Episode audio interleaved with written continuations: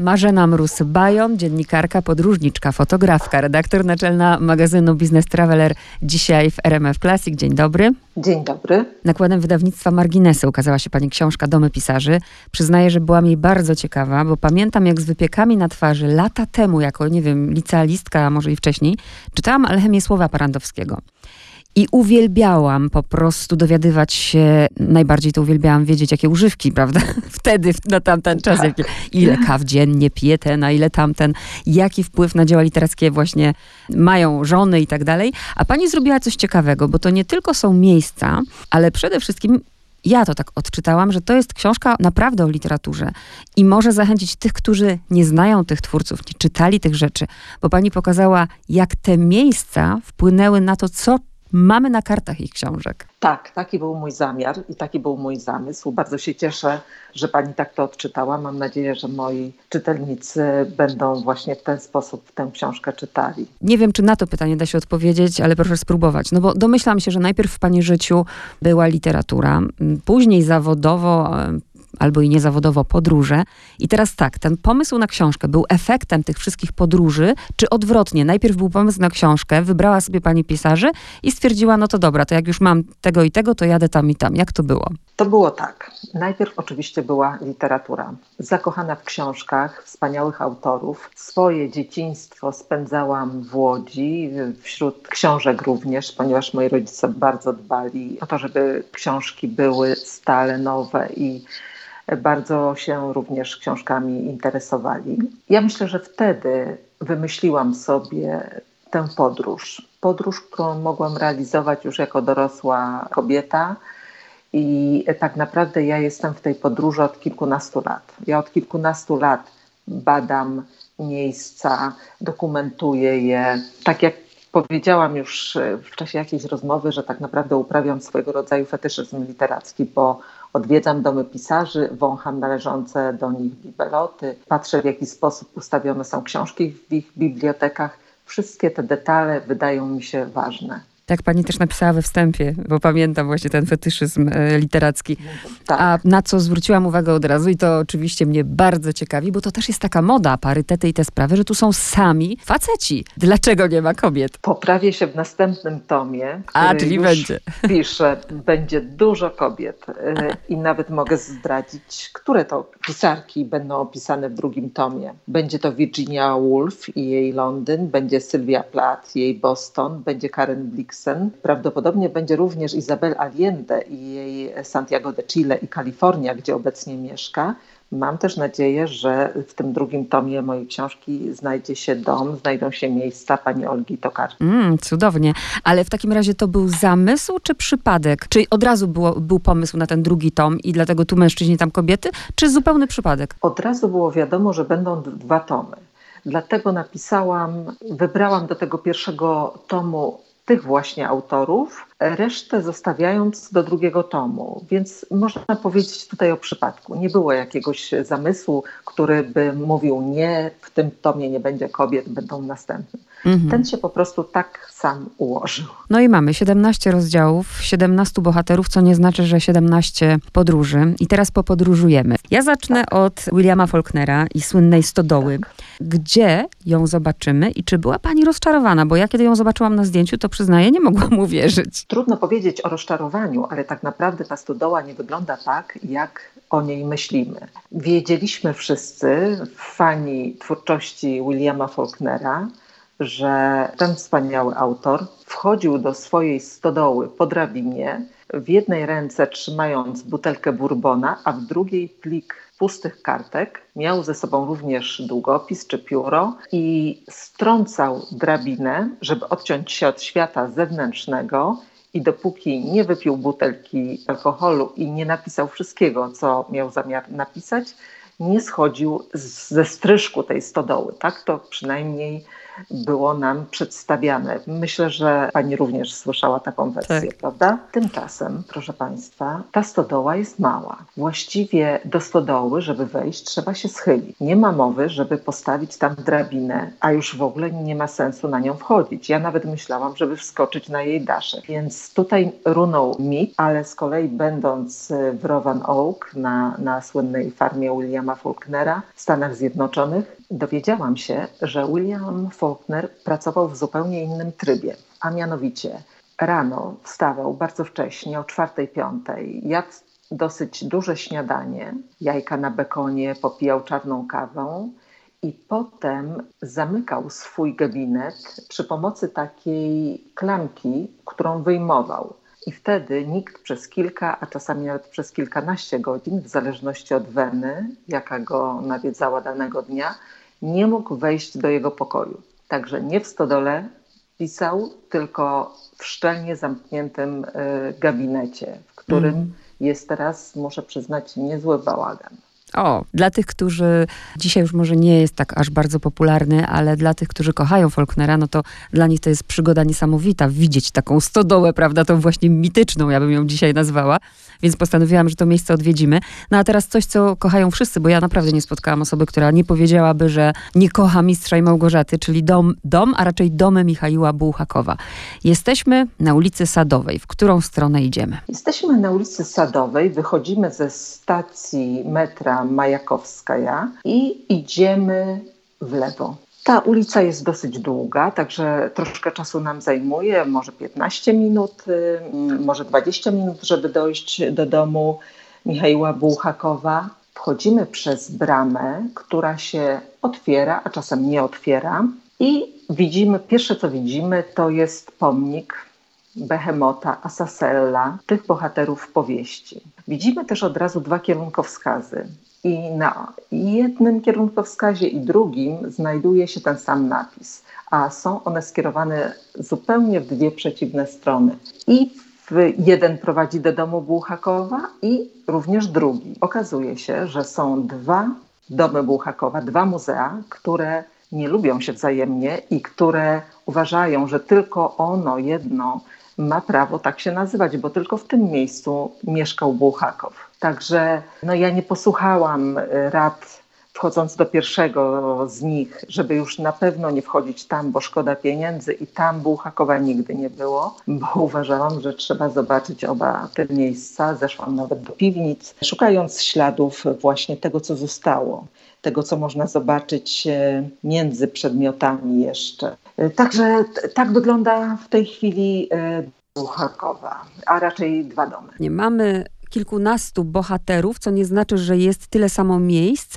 i żeby jakby poznać mm, trochę życia Oscara Wilda, odwiedziła Pani dwa miejsca, ale ja zadam, zacznę od tego, co widać z łóżka Oscara Wilda, łóżka, w którym zmarł. Leżąc w łóżku Oscara Wilda, y, patrzymy na okno, które wychodzi na taki mały dziedziniec, ale patrzymy też na meble, w tym maleńkim, miniaturowym pokoiku. Teraz jest suitą Oscara Wilda, którą, który można wynająć i można tam zamieszkać, spędzić noc, jedną albo więcej. Widzimy meble, widzimy pokój bardzo starannie umeblowany. Wszystko jest maleńkie w tym pokoiku. Krzesła to nie są krzesła, tylko to są krzesełeczka. Są również podnóżki. Większość mebli w pokoju Wilda jest obita czerwonym aksamitem. Zawsze też w tym pokoju stoją świeże kwiaty i są to, jest to taki ogrodowy bukiet. Ten pokój znajduje się w L'Hotel, pięciogwiazdkowym, butikowym hotelu w Paryżu na Saint-Germain, w takim miejscu bardzo modnym. Kiedyś to był hotel d'Alsace, E, wtedy, kiedy umierał w nim Oscar Wilde i było to, miast- i, i było to miejsce bardzo biedne. Sufit tego wnętrza podtrzymuje drewniana sztukateria, a pomieszczenie jest z takim półokrągłym wykuszem i tak naprawdę pokój Wilda w Paryżu ma kształt dziurki od klucza. Można, można też wybrać się do Dublina, gdzie znajduje się dom rodzinny Oscara Wilda. Jest maleńka tabliczka, która o tym nas informuje, a znacznie większa tablica informuje o zasługach ojca Oscara Wilda.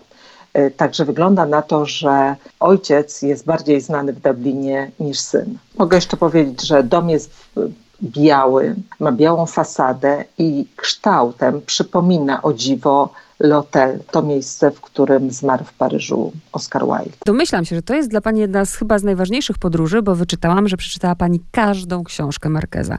Więc zaczynamy od zdania, kiedy jesteśmy w Macondo. W tym maleńkim miasteczku na końcu świata, położonym w kolumbijskim interiorze, i budzimy się w nim rano, widzimy, że jest to miasteczko zupełnie wyprane z barw, a wieczorem z kolei to miasteczko budzi się dopiero do życia. Przejdźmy się śladami Markeza. Wszyscy, którzy znają książki Markeza, a szczególnie 100 lat samotności, wchodząc do domu dziadków Markeza, są u siebie w domu, ponieważ doskonale wiemy, gdzie znajduje się kuchnia Urszuli, gdzie znajduje się pokój dziadka, jego gabinet, miejsce, gdzie wyrabiał złote rybki, które sprzedawał potem w okolicznych miasteczkach. Widzimy składzik, w którym cały czas jest 37 nocników, aż wreszcie możemy zobaczyć kołyskę Gabriela Garcia Marqueza, małego Gabita, i taka łyska podobno jest rzeczywiście tą, w której on spędzał swoje dzieciństwo, pierwsze miesiące życia. Dom stoi w dużym zielonym ogrodzie, w którym jest pełno krotonów, bugenwili. Natomiast co mnie zdziwiło, to to, że zamiast opisywanego w książce migdałowca, pod którym rozgrywało się na tym podwórzu w Makondo wiele zdarzeń, rośnie tam gigantyczny figowiec bengalski, banian, zwany kroczącym drzewem. Teraz idziemy do, bo wybrałam sobie, prawda, te miejsca. Mm, Oczywiście. W Kalkucie, tak, tak. właśnie, jak Kalkuta. w Kalkucie trafiła pani, albo jak my trafimy, na ślad noblisty, bo ta wizyta nie była celem. Do Kalkuty pojechałam w zupełnie innej sprawie. To nie była podróż literacka. Zamierzałam zrobić reportaż o siostrach mieszkających w domu matki Teresy. I do miejsca, którym urodził się Tagore, wybitny pisarz e, hinduski, noblista, zaprowadził mnie pies. Najbrzydszy pies, jakiego widziałam, wypłowiały, który nie jeden raz miał przetrącone nogi. Spojrzał na mnie, a ja poszłam za nim. I tak dotarłam, idąc przez to kalkuckie piekło, ale i piekło, i też przepiękne ulice, dotarłam do domu Tagorego. Jak ten dom wygląda? Dom ma kolor sieny palonej, zielone okiennice, ażurowe. Jest prawdziwym przystankiem i oazą w tym tyglu y, karkuskiego piekła. Co pani dla siebie odkryła w jego twórczości? Nie znałam Tagorego wcześniej. Dopiero poznałam go będąc w Kalkucie usiadłam w jego domu i z angielskiej biblioteki, która jest otwarta dla zwiedzających, wypożyczyłam trzy książki. Zaczęłam je czytać i zobaczyłam, że tak naprawdę znam niektóre z sentencji Tagorego. One są również znane w Polsce. Możecie je Państwo przeczytać w książce, bo są jako cytaty w niej zawarte. Gdybyśmy chcieli pójść śladami Ernesta Hemingwaya, to jakie i ile mamy tych miejsc do zobaczenia, a w którym jest tego Hemingwaya najwięcej? Pojechałam najpierw do domu, w którym urodził się Ernest Hemingway, do Chicago przy Oak Park 339. Jest to miejsce niezbyt charakterystyczne Dom okala niewielki trawnik i przypomina on troszkę zamek, ale niezbyt kształtny. W tym domu jest sporo pamiątek po Hemingwayu. Są również jego ubranka, jego zabawki. Co ciekawe, bawił się lalkami.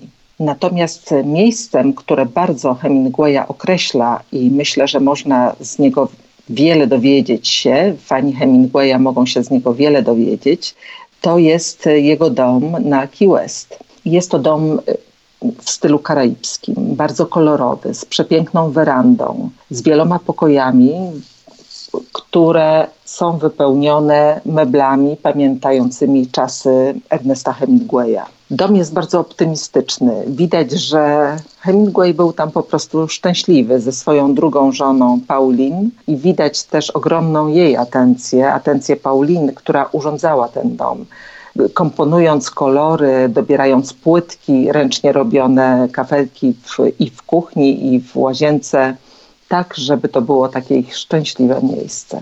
E, nie wiem, czy to była najdalsza podróż, ale teraz przejedźmy się do Limy i jak już tam będziemy, to możemy na przykład zobaczyć to, co widział z okna, e, kiedy pisał Mario Vargas Llosa. Jedną z najdalszych podróży, jaką odbyłam w sprawie literatury i w sprawie wielkich pisarzy, była podróż do Limy na plażę Miraflores, tam gdzie ma do dzisiaj swój apartament, w którym pisze Mario Vargas Llosa. Lima jest miastem balkonów, jest miastem um, ludzi obdarzonych dużym temperamentem. Lima nie śpi.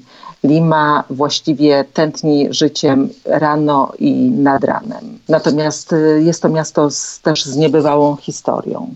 Apartament, w którym mieszka Mario Vargas Llosa, kiedy znajduje się w Limie, jest położony przy takim niewielkim rondzie z widokiem na bezkres oceanu. I to jest, y, myślę, miejsce, które przynosi mu najlepsze pomysły. Także przez okno widzi ocean, a za sobą ma ogromną bibliotekę, bardzo pięknie uporządkowaną. Książki stoją w równym, w równym porządku. I wiem od osoby, która zajmuje się tym apartamentem, że Liosa bardzo nie lubi, kiedy się je dotyka. Idziemy teraz do e, Tomasza Mana od Lubeki przez Davos. Miejsca związane z Tomaszem Manem to przede wszystkim Lubeka i jego Budenbrock House, dom, w którym mieszkał jako małe dziecko. Kolejny dom Mana to letni dom w Nidzie na Litwie, na Mierzei Kurońskiej. Man wybudował go za pieniądze, które otrzymał z Nagrody Nobla. Niestety spędził w nim tylko jedno lato, a szkoda, bo dom jest bardzo piękny. To jest taka prosta, zwyczajna chata, kryta sitowiem. Podążając tropem Mana, pojechałam również do Zurichu, do hotelu, e, w którym spędził ze swoją żoną Katią miesiąc miodowy, aż wreszcie dotarłam do Kalifornii, do willi Aurora przy Pacific Palisades w Los Angeles, w którym spędził 10 trudnych lat na emigracji. Dom ten jest otoczony siedmioma palmami i myślę, że te drzewa były muzami Tomasza Mana właśnie w Kalifornii i wyobrażam sobie, jak dziecko tego północnego porządku i hanzeatyckiej kultury, Tomasz Mann, jak musiał się cieszyć, mając y, za oknem te siedem palm. A na koniec, to od czego pani zaczyna swoją książkę? Pójdźmy śladami Miłosza. Pojechałam do Szetejn nad rzeką Niewiarzą na Litwę, do powiatu kowieńskiego, po to, żeby zobaczyć dom Czesława Miłosza. Ale proszę Państwa, tam domu Miłosza nie ma i ja opisałam go z powietrza. To jest dom, który przedstawiłam bardzo dokładnie, patrząc w koło i zanurzając się w tą niezwykłą przyrodę Litwy, bardzo jeszcze taką pierwotną, pogańską, tam nie zmieniło się nic od 100 lat, od czasów, kiedy urodził się tam Czesław Miłosz. Miłosz spędził y, w tym domu w Szetejniach swoje bardzo szczęśliwe dzieciństwo i całe życie powracał do tego okresu. Pisząc Dolinę Issy, opisywał swój dom rodzinny, dom dziadków, a Issa, nieistniejąca rzeka, skąd wziął jej nazwę. Obok, niedaleko, płynie rzeka Dubissa i prawdopodobnie Miłoszowi ta nazwa bardzo się spodobała. Dolina Issy powstawała na emigracji w 1953 roku i powrót myślami do czasów Szeteń, do lat dziecinnych były niejako takim zabiegiem, które mm, miało Miłosza ratować z ciężkiej depresji. I jeszcze jedno pytanie. E, pani o tym wspomniała właśnie, o cytatach, na co też zwróciłam właśnie uwagę przy pierwszym rozdziale i cytuję pani Susan Sontag zresztą, że tak. Mm, fotografia może być cytatem. Nawet cytatem. Tak. tak. Tutaj, nie wiem, chyba znak równości trzeba postawić, bo chciałam zapytać, co jest dla pani ważniejsze, ale ja myślę, że tutaj każda z tych ilustracji to nie jest tak, że się znalazła przypadkowo. Ona pewnie była bardzo długo, musiała być przemyślana, która i dlaczego w tym miejscu. Wędrując po świecie od kilkunastu lat, e, badając, tropiąc miejsca związane z pisarzami, fotografuję. I jest to rodzaj dokumentacji, która jest dla mnie bardzo ważna, jako dla pisarki, ale również dla fotografa. I zdjęć z całego świata mam tysiące. W książce oczywiście musiałam dokonać wyboru. Nie znalazły się wszystkie, które chciałam, ale są kolorowe i myślę, że mm, ich wybór jest e, ciekawy. Mam nadzieję, że się Państwu spodoba. Bardzo serdecznie Pani dziękuję za rozmowę. Wszystkiego dobrego. Do widzenia. Do widzenia.